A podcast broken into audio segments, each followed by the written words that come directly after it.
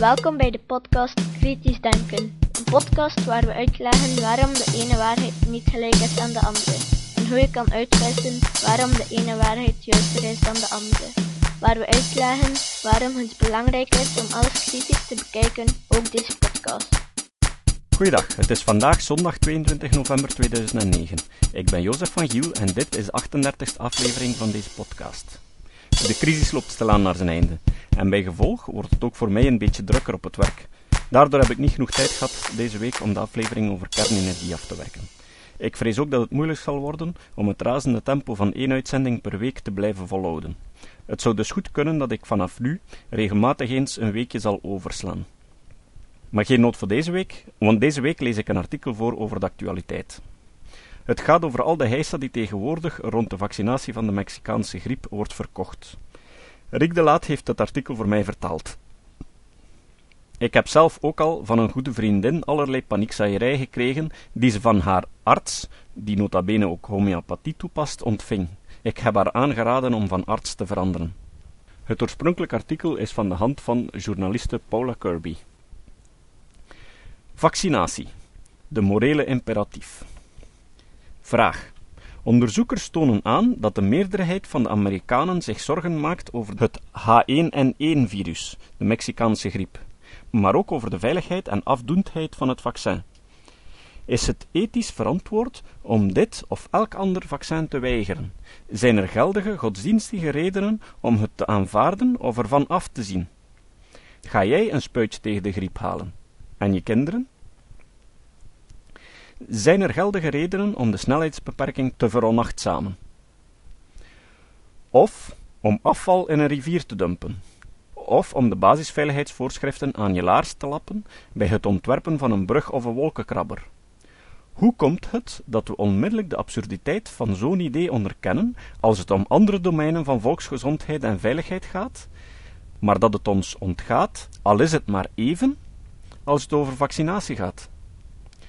Misschien heeft het wel te maken met het religieuze idee dat het lijden op de een of andere manier Gods bedoeling is. Dat het Gods wil is om ons te straffen of om ons op een of andere manier te vormen. Of is het eenvoudigweg de natuurlijke consequentie van het gedrag van Adam en Eva met die vervelende appel? Dat we het daarom op een manier die nooit goed wordt verklaard hebben verdiend en dat we het dan maar gelaten hebben geaccepteerd. Als je het zo bekijkt, is een ziekte willen genezen een aanslag op de goddelijke voorzienigheid, een overschatting van onszelf en zich bemoeien met Gods zaken.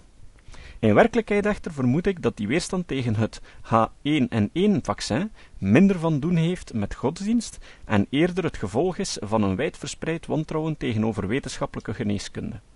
Wetenschappelijke geneeskunde heeft onze levenswijze grondig veranderd en ertoe bijgedragen dat we nu veiliger, met minder pijn, gezonder en daardoor ook langer leven dan het ooit het geval was in de loop van de menselijke geschiedenis.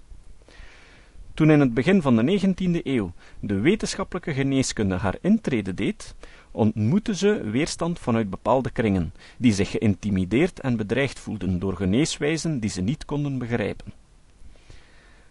Als je een ader opent met een bot en roestig mes, om er een paar glazen bloed mee af te tappen, dan is dat een erg pijnlijk gebeuren en je voelt je achteraf misschien nog zwakker dan ervoor.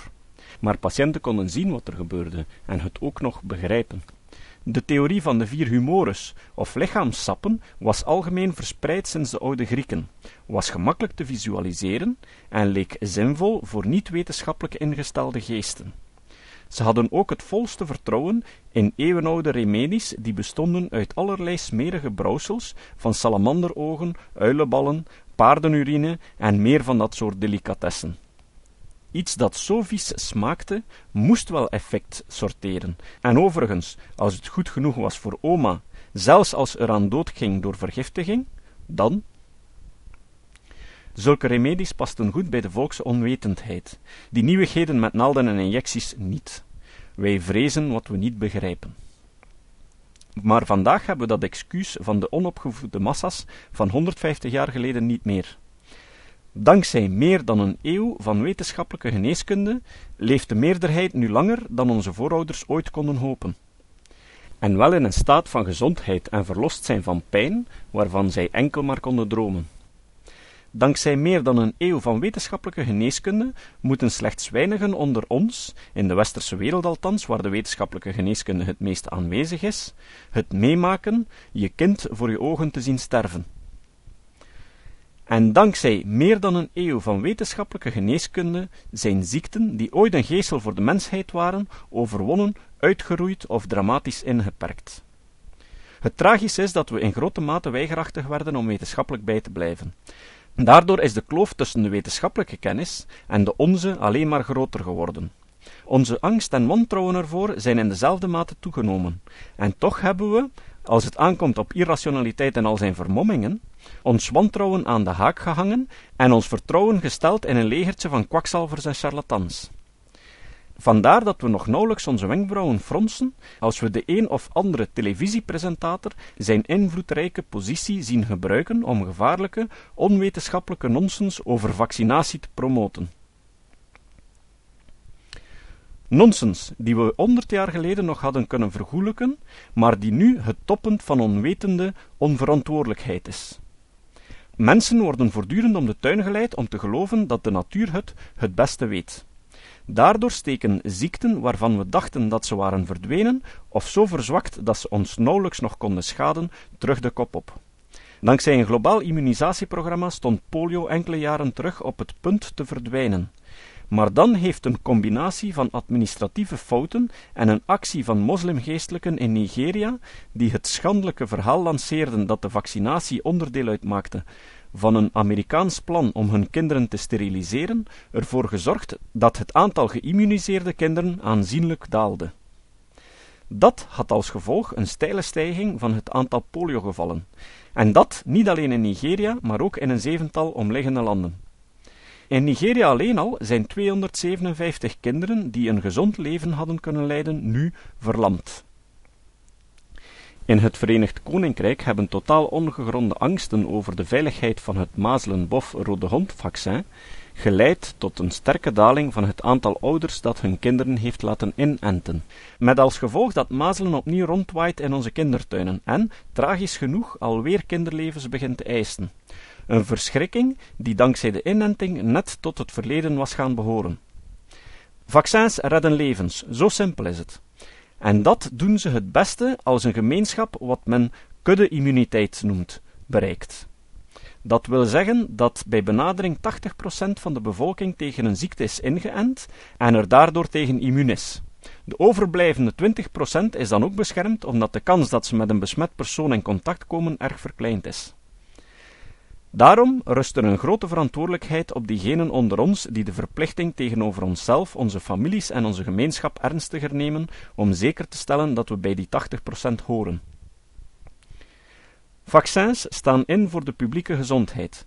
Als we weigeren ons te laten vaccineren, brengen we niet alleen onszelf in gevaar, maar ook onze kinderen, onze bejaarde ouders, onze buren, onze medepassagiers op de bus en ook die zwangere vrouw in de rij aan de kassa van de supermarkt. Onze morele verplichting is zo klaarblijkelijk dat zeker ook geen enkel godsdienstig bezwaar ons kan verhinderen om dit in te zien. Het citaat. Het citaat van vandaag komt van Herman van Veen, een grote cabaretier die bovendien diepgang weet te brengen in zijn optredens. Onlangs is hij bedreigd omdat hij in een interview gezegd had dat de PVV, de partij van Geert Wilders, moet opletten dat ze niet evolueren zoals de NSB, de Nederlandse nazistische partij van tijdens de oorlog. Op zijn live opgenomen plaat Carré 5 zegt Herman van Veen. Wanneer de lente komt. Wanneer de lente komt. En als ik dan al dood ben. Zullen de bloemen net zo bloeien. En de bomen zullen niet minder groen zijn dan het vorig voorjaar. De werkelijkheid heeft mij niet nodig. Ik voel een enorme vreugde bij de gedachte dat mijn dood volstrekt onbelangrijk is. Men mag men mag Latijn bidden boven mijn kist, indien men wil.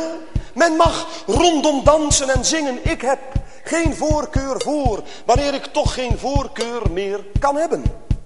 Tot de volgende keer.